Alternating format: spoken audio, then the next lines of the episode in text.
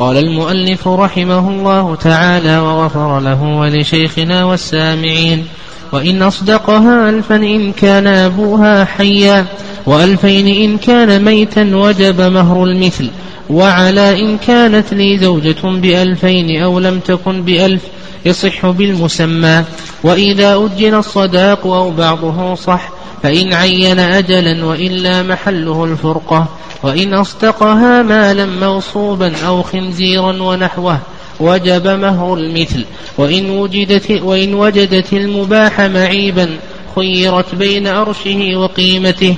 وإن تزوجها على ألف لها وألف لأبيها صحت التسمية فلو طلق قبل الدخول وقبل وبعد القبض رجع بالألف ولا شيء على الأب لهما. ولو شرط ذلك لغير الأب فكل المسمى لها. ومن زوج بنته ولو تيبا بدون مهر مثلها صح وإن كرهت. وإن زوجها به ولي, غي غي ولي غيره بإذنها صح وإن لم, وإن لم تأذن فمهر المثل. وإن زوج ابنه الصغير بمهر المثل أو أكثر صح في ذمة الزوج. وإن كان معسرا لم يضمنه الأب. تقدم لنا جملة من أحكام الصداق. وذكرنا تعريفه وأنه العوض الذي يدفعه الزوج لزوجته مقابل العقد عليها. وحكمه الوجوب. لأمر الله عز وجل به ولأن الله سبحانه وتعالى اشترط للحل أن يبتغي الزوج بماله بقوله تعالى أن تبتغوا بأموالكم. وتكلمنا على ما إذا شرط نفي الصداق. لو شرط أن يتزوج على ألا صداق عليه. وأن جمهور أهل العلم أنه شرط فاسد وأنه يجب عليه مهر المثل. وقلنا بأن شيخ الإسلام تيمية رحمه الله يرى أنه شرط فاسد مفسد مفسد للعقد لأن الزواج بالهبة هذا من خصائص النبي صلى الله عليه وسلم. وتقدم أيضا أنه تسن تسميته في العقد ذكرنا دليل ذلك وكذلك أيضا يسن تخفيفه. وأن صداق بنات النبي صلى الله عليه وسلم أربعمائة درهم وصداق زوجاته خمسمائة درهم كما سلف. ثم قال المؤلف رحمه الله في درس اليوم فصل وإن أصدقها ألفا إن كان أبوها حيا وألفين إن كان ميتا وجب مهر المثل. لو أنه أصدق المرأة قال أصدقتك ألفا. وهذا على سبيل المثال يعني قوله ألفا هذا على سبيل المثال. قد يصدقها يصدقها مئة. إن كان أبوها حيا. ومئتين إن كان أبوها ميتا. فيقول لك المؤلف رحمه الله يجب مهر المثل. لماذا؟ لأن التسمية فاسدة. نعم التسمية لفساد التسمية. سبق لنا أن أنه إذا فسدت تسمية المهر وجب مهر المثل. وذكرنا دليل ذلك من حيث المسعود رضي الله تعالى عنه. لما سئل عن امرأة مات عنها زوجها ولم يدخل بها ولم يفرض لها صداقة. فقال ابن مسعود عليها العدة وترث ولها مهر نسائها. فقال معقل بن سنان الأشجعي فقال أشهد أن الرسول صلى الله عليه وسلم قضى في بروع بنت واشق امرأة منا بمثل ما قضيت فسر ابن مسعود.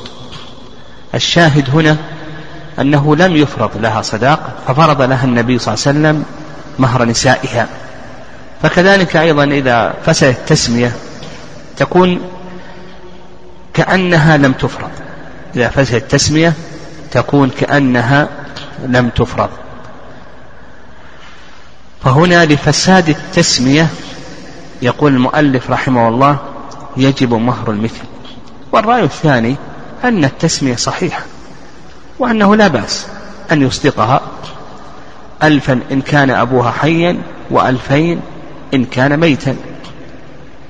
وأن هذا تسمية صحيحة ولا غبار في ذلك فإذا كان أبوها حيا فلها ألف لأنها قد تطمع في أن يكمل لها أبوها بقية المهر وإن كان ميتا فلها ألفان. وهذا القول هو الصواب. نقول الصواب في هذا أن التسمية صحيحة وأن لها غرضا صحيحا في حياة أبيها. لأنه إذا كان حيا فإنه قد تطمع في إكمال الصداق. قال وعلى إن, إن كان لي زوجة بألفين أو لم تكن بألف يصح بالمسمى. لو قال أتزوج؟ وإن كان لي زوجة أعطيتك ألفين وإن لم يكن لي زوجة فالمهر ألف. يقول المؤلف رحمه الله يصح التسمية هنا صحيحة. لماذا تصح التسمية؟ لأن لها غرضا صحيحا في خلو الزوج من الزوجة إذ إن من أهم أغراض المرأة عدم الضرة. فإذا تزوجها على ذلك فلها غرض صحيح. وعلى هذا نقول ليس هناك فرق بين المسألتين لها بين المسألة الأولى ولا بين المسألة الثانية فإذا تزوجها على أنه إن كان أبوها حيا فلها ألف وإن كان ميتا فلها ألفان. نقول هذه تسمية صحيحة لا أيضا لأن لها غرضا صحيحا كما سلف.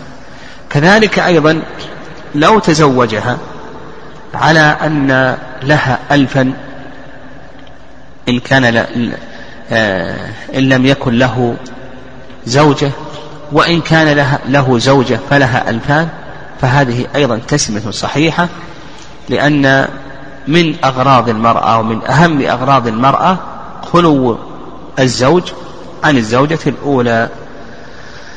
قال رحمه الله وإذا أجل الصداق أو بعضه صح فإن عين أجلا وإلا فمحله الفرقة.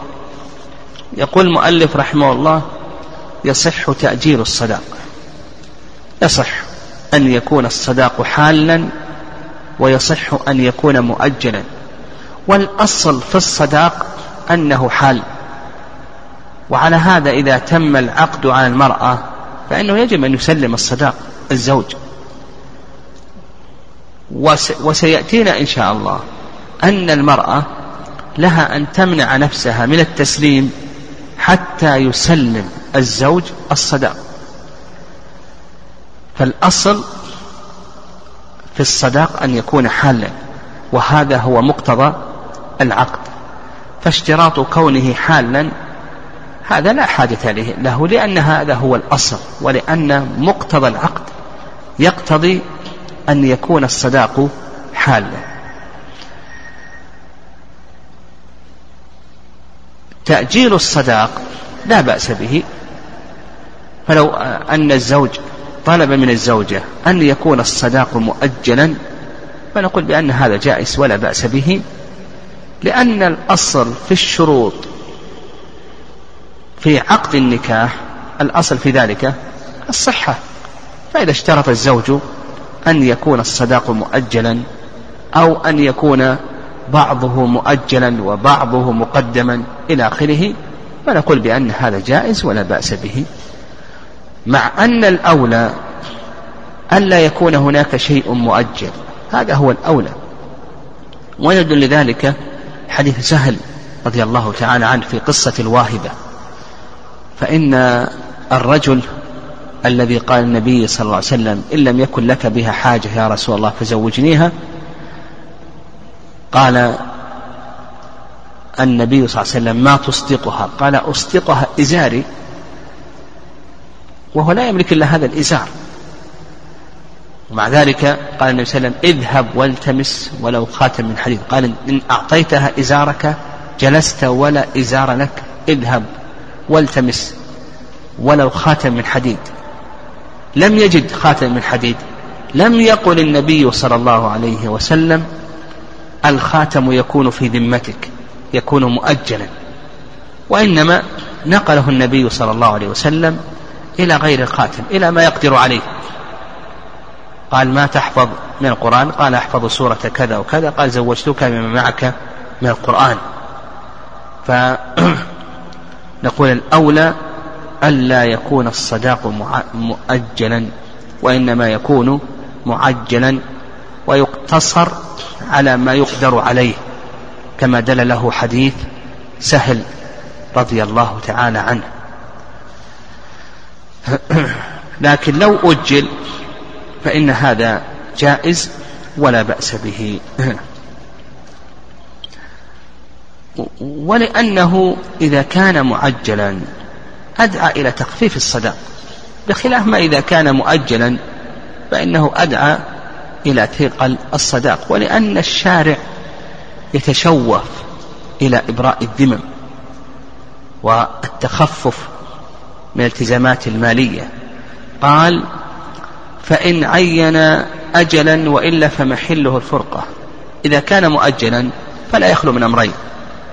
الأمر الأول أن يعين أجل كأن يقول الصداق إلى رمضان أو إلى شهر ذي الحجة. فالصداق يناط بهذا الأجل. يعني الصداق يناط بهذا الأجل. الأمر الثاني ألا ألا يعين أجل. فيقول لك المؤلف رحمه الله إذا ما عين أجل وقال الزوج الصداق مؤجل ما عين أجلا. ما قال يحل في رمضان أو في شهوال أو في شعبان أو نحو ذلك. لم يضرب له أجلا. فمتى يحل؟ قال المؤلف فمحله الفرقة يعني يحل بالفرقة البائنة. إذا حصلت فرقة بائنة بين الزوجين بالموت أو بالطلاق البائن فإنه يحل الصداق فعندنا إذا أجر الصداق لا يخلو من أمرين الأمر الأول أن يناط بأجل معلوم فيناط الصداق به الأمر الثاني أن يطلق ولا يضرب أجلا فمتى يحل الصداق؟ ومتى تملك المرأة المطالبة به؟ إذا حصلت الفرقة البائنة بين الزوجين إما بالموت أو بالطلاق ونحو ذلك. وعند المالكية يعني عند المالكية أنه يشترط أن يكون الأجل معلوما. يعني إذا أجل فلا بد أن يكون الأجل معلوما. يعني لا بد أن يكون الأجل معلوما. قد ذكر ابن القيم رحمه الله تعالى أن الوارد عن الصحابة رضي الله تعالى عنهم أنه لا بأس أن يؤجل الصداق وأن محله وأن محل محله الفرقة الباينة كما ذكر المؤلف رحمه الله تعالى. قال قال رحمه الله وإن أصدقها مالا مغصوبا أو خنزيرا ونحوه وجب مهر المثل. إذا أصدقها مالا محرما فالتسمية هنا فاسدة. وكما سلف لنا قاعدة.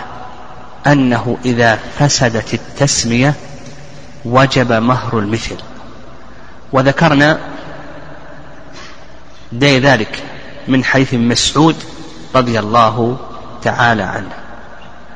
فإذا أصدقها مالا مغصوبا. يعلمان أنه مغصوب. مثلا أصدقها هذا الثوب والزوجان يعلمان أنه مغصوب. هذه تسمية فاسدة. فيقول لك المؤلف رحمه الله يجب مهر المثل. اصدقها خنزيرا لحم خنزير هذه التسمية فاسدة فيجب مهر المثل لأن التسمية الفاسدة وجودها كعدمها محرم شرعا كالمعدوم حسا فيجب مهر المثل.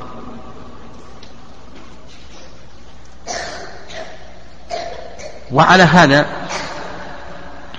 إذا كان يجهلان هل يجب مهر المثل؟ أو كان أحدهما يجهل والآخر يعلم إلى آخره فما الحكم؟ فالمسألة لها أربعة أقسام. القسم الأول يعني القسم الأول أن يعلم أن الصداقة محرم. فهنا التسمية فاسدة لا إشكال في ذلك. فيجب مهر المثل. كما تقدم من حيث مسعود رضي الله تعالى عنه. القسم الثاني أن يجهل أنه محرم. مثلا أصدقها هذا الثوب. وهما يجهلان أنه الثوب المغصوب أو الثوب المسروق ونحو ذلك. فهل نقول يجب مهر المثل أو يجب مثل الثوب؟ ها؟ الذي يظهر والله أعلم أنه لا يجب مهر المثل وإنما يجب مثل الثوب لكونهما يجهلان. فالزوج لم يدخل وكذلك أيضا الزوجة الزوجان لم يدخلا في هذا العقد إلا على هذا الصداق. فقد يكون ثمن الثوب مئة ريال ومهر المثل ألف ريال. يكون مهر المثل ألف ريال.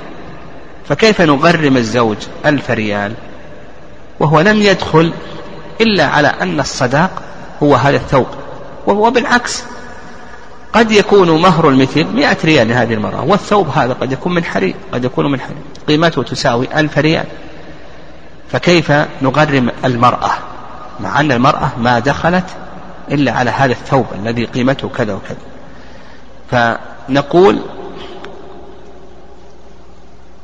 إذا كان يجهلان فالذي يظهر والله أعلم أنه يجب المثل أو القيمة. يعني مثل المحرم إن كان مباحا في الأصل يعني مثل ثوب إلى آخره. أو مثله من المباح كما لو كان خمرا مثله من المباح خنزير لحم خنزير مثله من اللحم المباح إلى آخره. المثل في المثليات والقيمة في المتقومات. القسم الثالث أن يعلم الزوج وتجهل الزوجة والقسم الرابع أن يعلم أن تعلم الزوجة ويجهل الزوج. في هذين القسمين كما تقدم لنا في القاعدة في المعاملات أن من غش ودلس فإنه يعامل في أضيق الأمرين. وعلى هذا نقول الذي يعلم التحريم نعامله بالأضيق نلزمه بالأكثر. من مهر المثل أو مثل المهر المحرم. من مهر المثل أو مثل المهر المحرم إن كان مثلين والقيمة إن كان متقوما. قال رحمه الله وإن وجدت المباح معيبا خيرت بين أرشه وقيمته. إذا وجدت المهر المباح معيبا. كما لو أصدقها كتاب المغني ابن قدامة أو أصدقها صحيح البخاري. ثم بعد ذلك وجدت هذا الكتاب معيبا. وجدت فيه طمس صفحات.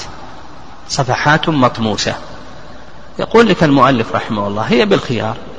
إما أن تمسك الكتاب وتأخذ الأرش أرش العيب. وسبق لنا بيان كيفية إخراج الأرش. هذا تقدم تكلمنا عليه في الخيارات خيار العيب في كتاب البيع. فنقول أنت بالخيار. إما أن تأخذ الأرش. قالت أنا أريد الكتاب. ويعطيني الأرش. كم قيمة الأرش هذا؟ يقدر الأرش كما تقدم. كم قيمة الكتاب صحيحا وكم قيمته فاسدا والفرق بين القيمتين ثم هذا الفرق ينسب إلى قيمة الصحة ويؤخذ من الثمن بمثل تلك النسبة. فإذا فرض أن إذا فرضنا أن أرش العيب يساوي عشرة ريالات. نقول أنت بالخيار إما أن تأخذي عشرة ريالات وتمسكي الكتاب وإما أن تردي الكتاب وتأخذي قيمة الكتاب. كم قيمة الكتاب صحيحا؟ تأخذي قيمته يقول لك المؤلف رحمه الله هي مخيرة بين أرشه وبين قيمته بين أرشه وبين قيمته. وهذا هو المذهب. الشافعي رحمه الله يقول بأن لها مهر المثل. وأبو حنيفة رحمه الله يقول بأن لها قيمته لكن ما ذهب إليه المؤلف رحمه الله تعالى وأنها مخيرة بين الأرش وبين القيمة هذا هو القسط والعدل. قال المؤلف رحمه الله وإن تزوجها على ألف لها وألف لأبيها صحت التسمية. هذه المسألة تعرف عند العلماء رحمهم الله باشتراط شيء من المهر. هل للولي أن يشترط شيئا من مهر من مهر موليته؟ أو نقول ليس له أن يشترط. يعني مثلا أبو المرأة قال أنا أشترط أن يكون لي ألف ريال أن يكون لي ألف ريال. أشترط ألف ريال من المهر. ها؟ أو مثلا أمها اشترطت أن لها كذا وكذا أو أخوها إلى آخره. اشتراط شيء من المهر من قبل الولي. نقول بأن هذا ينقسم إلى قسمين. نقول بأن هذا ينقسم إلى قسمين. القسم الأول نعم القسم الأول أن يكون الاشتراط من قبل الأب. فالمؤلف رحمه الله يرى أن هذا جائز ولا بأس به. سلف لنا في باب الهبة أن الحنابلة يرون ماذا؟ ها؟ نعم؟ أن الأب له أن يتملك من مال ولده. ما شاء ما دام أنه لا يتعلق بحاجته أو ضرورته. الأب له أن يتملك من مال ولده. لحديث أنت ومالك لأبيك. حديث عائشة جابر أنت ومالك لأبيك. فإذا كان اشتراط شيء من المهر من قبل الأب فإن هذا جائز ولا بأس به. واستدلوا على ذلك. في قول الله تعالى في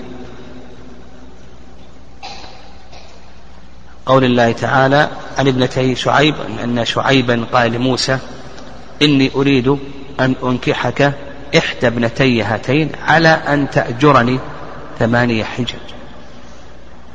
على أن تأجرني ثمانية حجج. فهنا شعيب رحمه الله اشترط على موسى عليه السلام أن يعمل عنده ثمان سنوات. وهذا اشتراط الشيء من المهر. اشتراط شيء من المهر للأب. وكذلك أيضا استدلوا على ذلك بما تقدم من قول وسلم أنت ومالك لأبيك وأن الأب له أن يتملك من مال ولده ما شاء ما دام أنه لا يتعلق بحاجته ولا ضرورته. الرأي الثاني في المسألة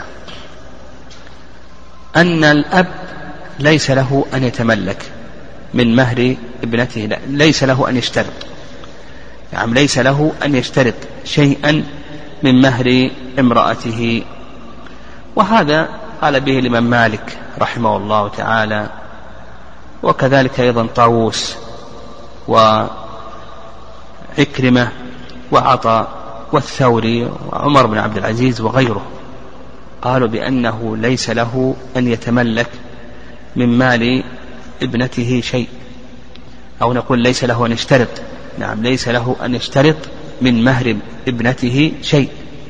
واستلوا على ذلك بحديث عبد الله بن عمرو رضي الله تعالى عنهما أن النبي صلى الله عليه وسلم قال أي امرأة نكحت على صداق أو حباء أو عدة فما كان قبل عصمة النكاح فهو لها وما كان بعد عصمة النكاح فهو لمن أعطيه أي امرأة نكحت على صداق أو حباء أو عدة فما كان قبل عصمة النكاح فهو لها وما كان بعد عصمة النكاح فهو لمن أعطيه.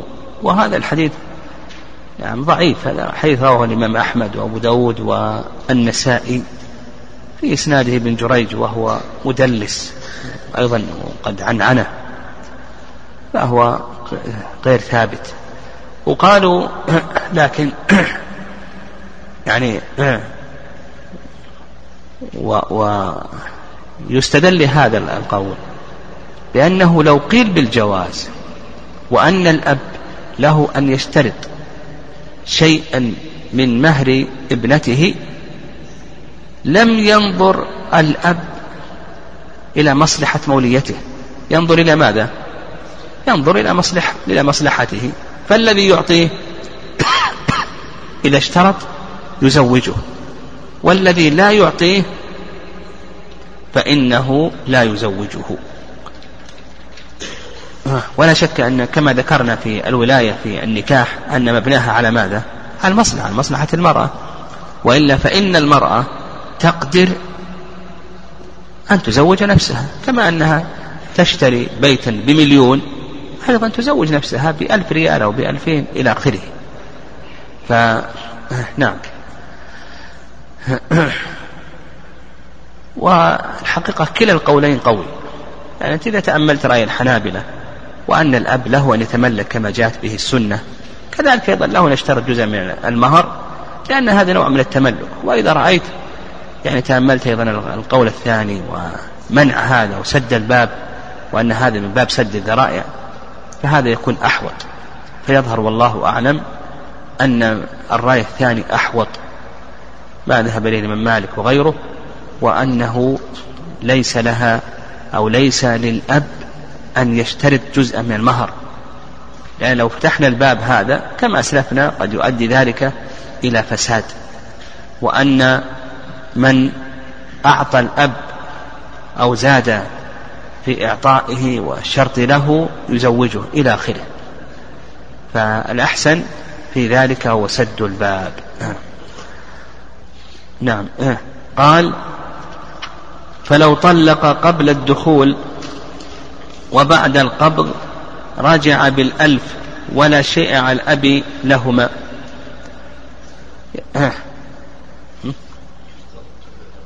أيه بيأتي أصبر بيأتي. يعني يقول لك المؤلف رحمه الله لو أنه أصدقها ألفين واشترط الأب ألفا ثم طلقها قبل الدخول قبل أن يدخل بها إذا طلقها قبل الدخول وش الحكم؟ نعم لها نصف المسمى. لها نصف المسمى وأصدقها الآن ألفين. فيكون لها نصف الألفين ألف. فيرجع الزوج على من؟ على الزوجة بألف.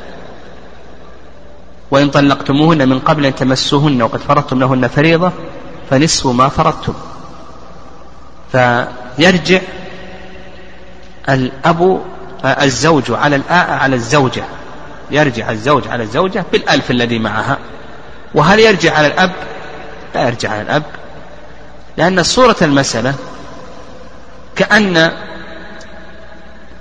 الزوج أعطى الزوجة الألفين ثم جاء أبوها وتملك ألفا فهو يرجع عليها لا يرجع على الأب.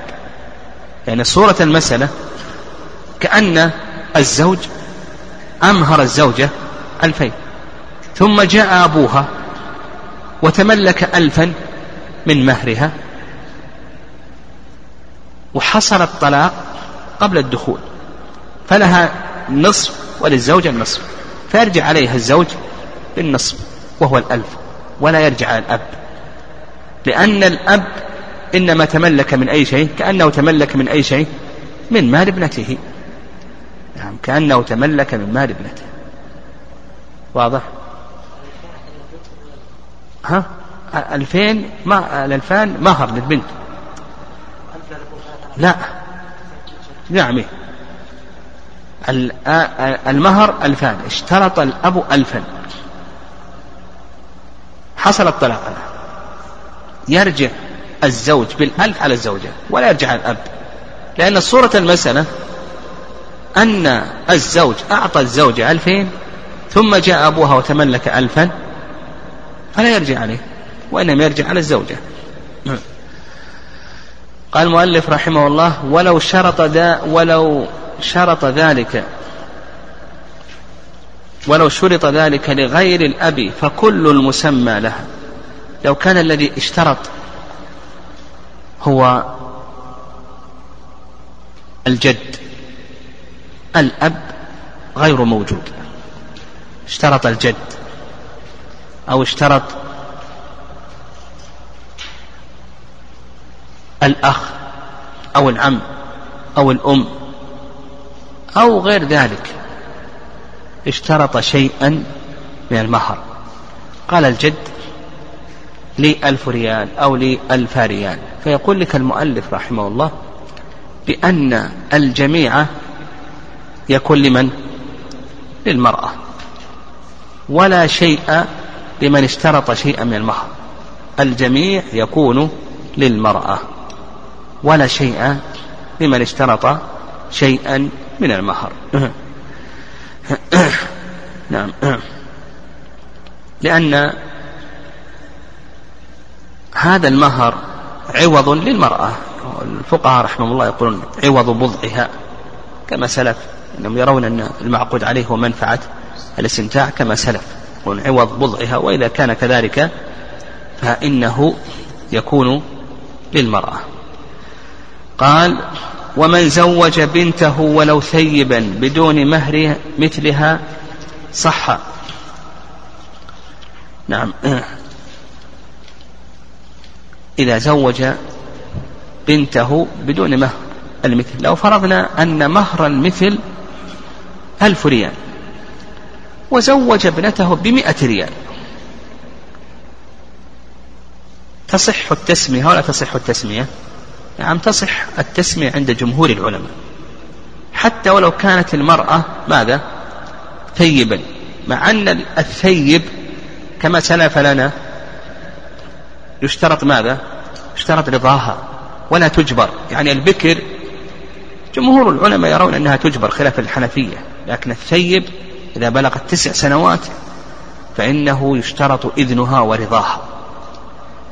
فلو زوج ابنته ولو كانت هذه البنت ثيبا بدون مهر المثل صح ذلك. لأن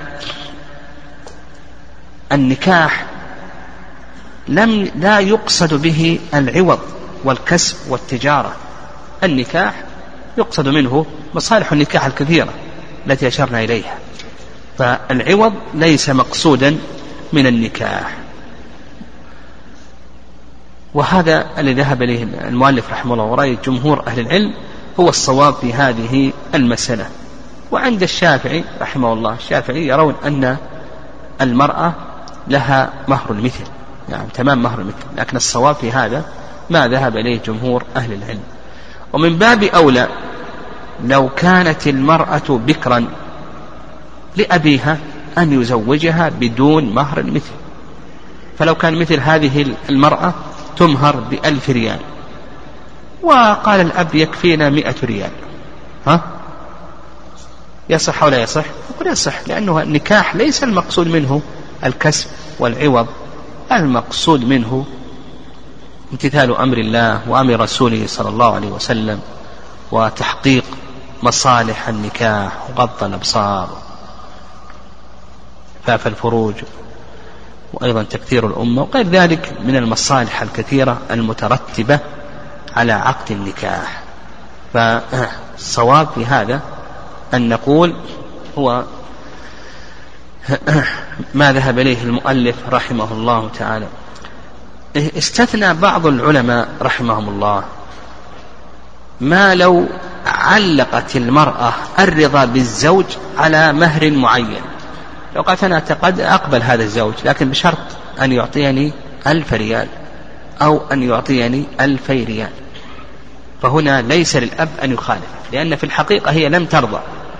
ليس لأجل المهر إلى آخره لكن لأن الرضا لم يحصل إلا على هذا المهر. فالرضا حتى الآن ما تم. كما تقدم لنا أن من شروط صحة عقد النكاح شرط ماذا؟ الرضا. نعم. قال وإن كرهت. ها؟ وكذا كذا البكر. لو قالت البكر أنا ما أتزوج. لكن البكر يرون أنها مجبرة كما تقدم. أصلا ما يعتبر رضاها كما سلف لنا. لكن على الصحيح نعم حتى البكر على الصحيح. لو قالت أنا لا أتزوج هذا الشخص حتى يعطيني كذا وكذا. فنقول ليس له أن يخالف. قال وإن زوجها به ولي غيره بإذنه صح وإن لم تأذن فمهر المثل. يعني إذا زوجت بأقل من مهر المثل فإن هذا لا يخلو من أمرين. الأمر الأول أن يكون المزوج هو الأب. فالأب له أن يزوج ابنته بكرا أو ثيبا بأقل من مهر مثلها ولو كرهت. لما تقدم ذكرنا التعليل. ولأن الأب له أو يتوسع فيه وله من الخصوصية ما ليس لغيره. القسم الثاني أن يكون المزوج غير الأب. غير الأب هو الذي قام بالتزويج كالجد والأخ ونحو ذلك. فهل للأخ أن يزوج أخته بأقل من مهر المثل؟ أو ليس له ذلك. ها؟ نقول إن أذنت لو كان مثلا مهر المثل يساوي ألفا. مهر المثل يساوي ألفا. وأذنت أن يزوجها بمئة ريال. نقول الحق لها وقد أسقطته وإن لم تأذن فقال المؤلف رحمه الله لها مهر المثل لأن التسمية فاسدة. نعم لها مهر المثل التس لأن التسمية فاسدة. والرأي الثاني الرواية الثانية عن الإمام أحمد أن الزوج لا يلزمه إلا المسمى. وهذا اختيار شيخ الإسلام تيمية رحمه الله. يعني أن الزوج لا يلزمه إلا المسمى وهذا اختيار شيخ الإسلام تيمية رحمه الله. لكن الولي هو الذي يقوم بالفرق. لو فرضنا أن المسمى الذي الذي سمي مئة ومهر المثل ألف. فالزوج لا يلزمه إلا كم؟ إلا مئة. ويبقى تسعمائة يتحملها من؟ الولي. يتحملها للزوجة الولي. وهذا هو الرواية الثانية من أحمد رحمه الله واختاره شيخ الإسلام تيمية رحمه الله تعالى. وهذا القول هو الصواب لأن الزوج ما دخل إلا على هذه التسمية. والأصل في الولي أن يكون مو أمينا على موليته. وإلا لماذا شرعت الولاية؟ الأصل أنه يكون أمينا على موليته. وإلا لماذا شرعت الولاية؟ قال المؤلف رحمه الله وإن زوج ابنه الصغير بمهر المثل أو أكثر صح في ذمة الزوج وإن كان معسرا. رحمك الله. تزويج الصغير تقدم الكلام عليه. هل يزوج الصغير أو لا يزوج الصغير؟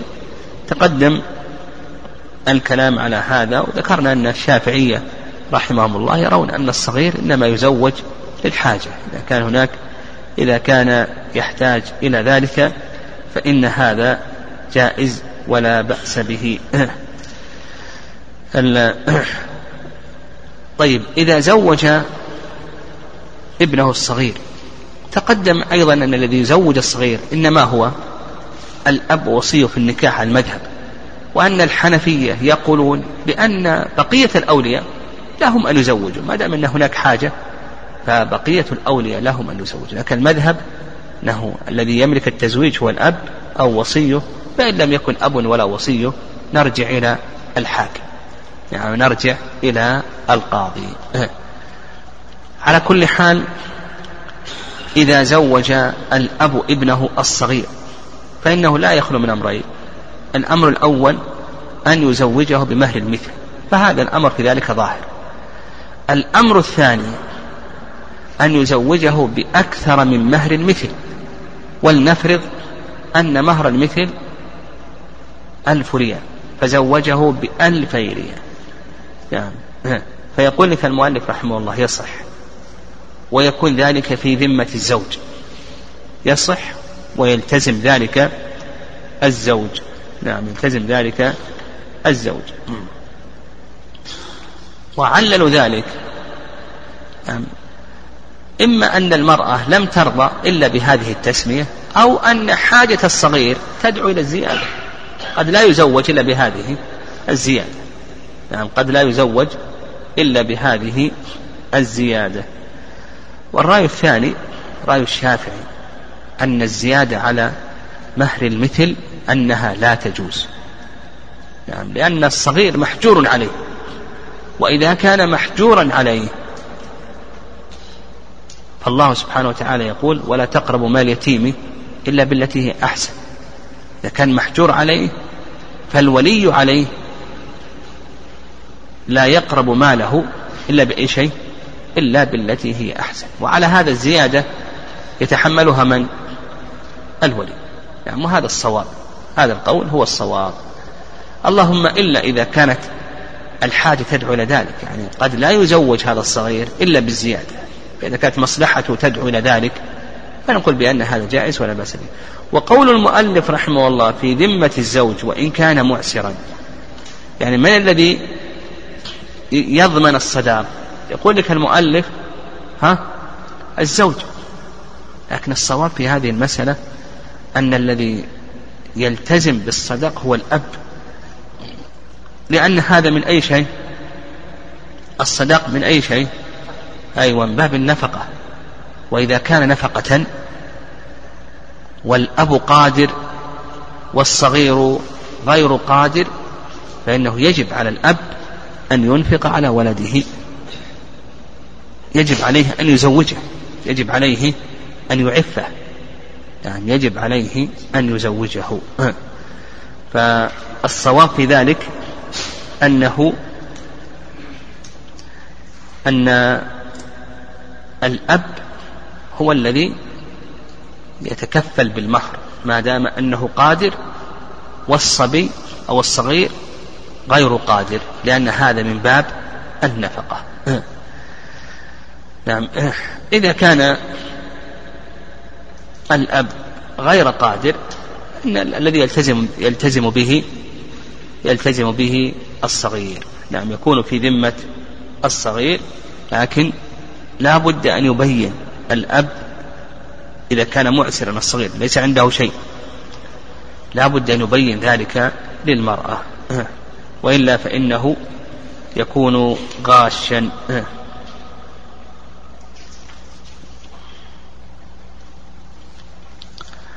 قال المؤلف رحمه الله فصل.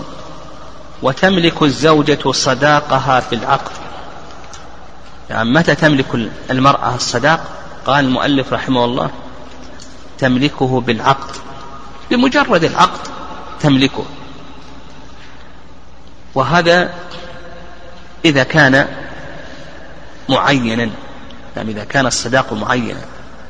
ويدل لذلك حديث سهل في قصة الواهبة.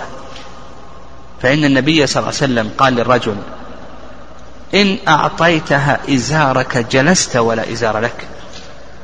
قال جلست ولا إزار لك مما يدل على أنها ملكته بمجرد العقد. إن أعطيتها إزارك جلست ولا إزار لك مما يدل على أنها ملكته بمجرد العقد. فنقول كما ذكر المؤلف رحمه الله تملك المرأة صداقها بالعقد بمجرد العقد. وقد ذكر ابن قدامة رحمه الله في المغني أن عامة أهل العلم على هذا. وكالبيع كما أنك إذا اشتريت سيارة بمجرد العقد تكون ملكت هذه السيارة. أو اشتريت ثوبا بمجرد العقد تملك هذا الثوب.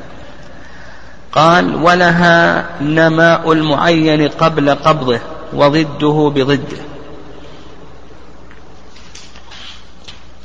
الصداق لا يخلو من أمرين. نعم الصداق لا يخلو من أمرين.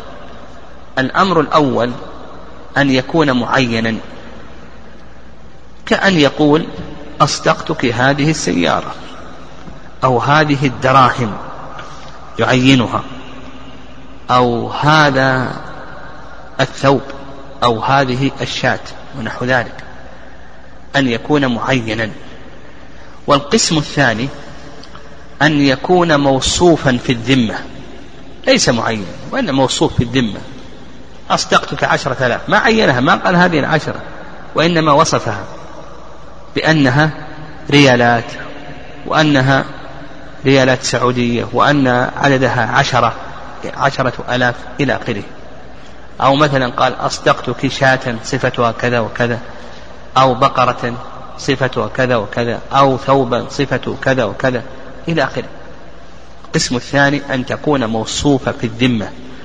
غير ماذا؟ غير معينة. طيب إذا كانت معينة أو غير معينة هذا يترتب هذا؟ التقسيم يترتب عليه أحكام.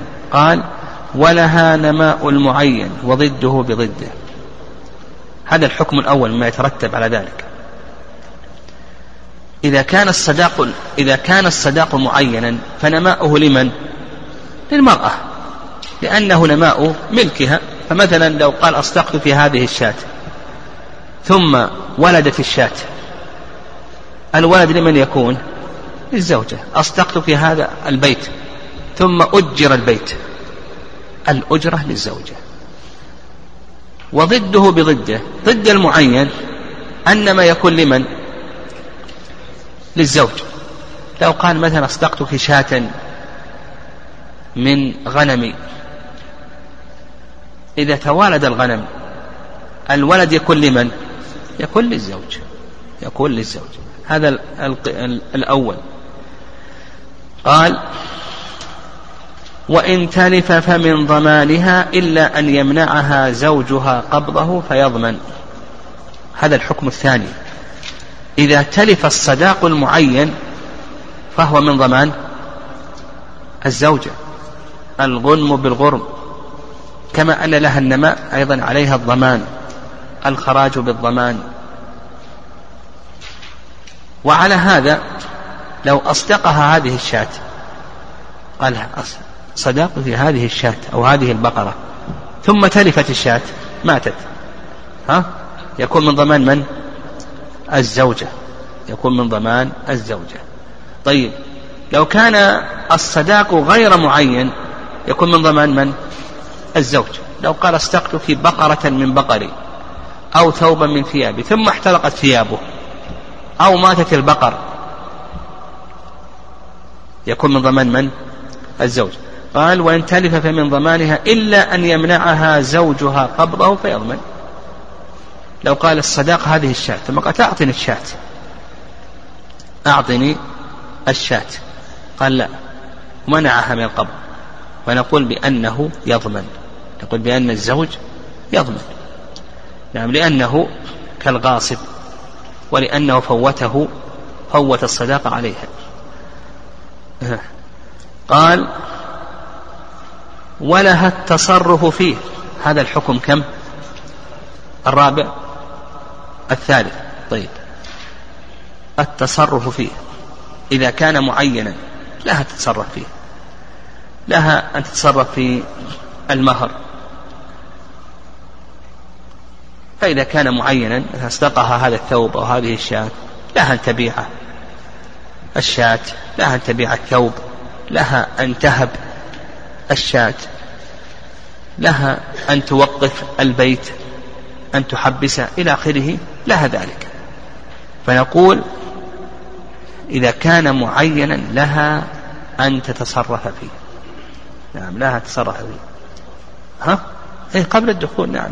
إيه مجرد العقد. إيه ملكته إذا قلنا نحن ملكته بالعقد. نعم. طيب. ويفهم من كلام المؤلف رحمه الله أنه إذا كان غير معين ها فليس لا نتصرف فيه. لو قال مثلا شاة من غنمي أو بقرة من بقري أو ثوب من ثوبي على كلام المؤلف أنه ليس لها نتصرف فيه. والصحيح في ذلك أنه دين الآن أنه دين في ذمة الزوج. وإذا كان دينا في ذمة الزوج فتقدم لنا بيع الدين. يعني بيع الدين والمعاوضة عليه وأن هذا جائز. يعني ما يتعلق ببيع الدين. ذكرنا شروط بيع الدين. بيع الدين على من هو عليه وبيع الدين على من هو على غير من هو عليه. قال وعليها زكاة زكاته. نعم عليها زكاته. إذا كان ماذا؟ إذا كان معينا. نعم إذا كان معينا فعليها زكاته. وأما إن كان غير معين فزكاته على من؟ على الزوج. فمثلا لو قال أصدقتك هذه الألف درهم ثم حال عليها الحول عليها الزكاة. الزكاة على الزوجة. لكن لو قال أصدقتك ألف درهم ولم يعين يقول هذه فالزكاة تكون على من؟ على الزوج. نعم الزكاة تكون على قال وإن طلق قبل الدخول أو الخلوة فله نصفه حكما دون نمائه المنفصل وفي المتصل له نصف قيمته بدون نمائه. إذا طلق قبل أن يتقرر الصداق وسيأتينا إن شاء الله متى يتقرر الصداق. وش معنى يتقرر الصداق؟ ها؟ يعني يجب كله. متى يتقرر الصداق؟ متى يجب الصداق كله للمرأة؟ ها الدخول. وأيضا ها الخلوة كما سيأتي موضع خلاف. والثالث ها الموت صح. الموت. ذكرنا حديث ابن مسعود الموت حتى لو كان بعد قبل الدخول. ففي هذه الأحوال الثلاثة هنا يتقرر الصداق. يجب الصداق كله للمرأة. إذا ما حصل شيء من ذلك لم يحصل دخول ولم تحصل خلوة ولم يحصل موت ثم طلقها وقد سمى ها لها النصف. وإن طلقتموهن من قبل أن تمسوهن وقد فرضتم لهن فريضة فنصف ما فرضتم. فنقول لها نصفه وله نصفه. وقال المؤلف رحمه الله فله نصفه حكما يعني قهرا عليه. بمجرد الطلاق يدخل في ملكه قهرا عليه كالميراث قهرا عليه. لو قال أنا لا أريده ها؟ نقول دخل في ملكك. بمجرد الطلاق بمجرد أن طلق نقول بأن المهر دخل في ملكه قهرا عليه. يعني قهرا عليه. كما ذكرنا قول الله عز وجل وإن طلقتمون من قبل أن تمسون وقد فرضتم لهن فريضة فنصف ما فرضتم. دون نمائه المنفصل. النماء المنفصل لمن؟ ها؟ قبل الطلاق. للزوجة يعني كما تقدم لنا إذا كان معينا فإنه للزوجة. أما إذا كان غير معين فإنه للزوج المهم ما دام أنه مسمى فله نصفه ولها نصفه. النماء يكون للزوجة إذا كان معينا لأنه نماء ملكها. وإن كان غير معين فهو للزوج.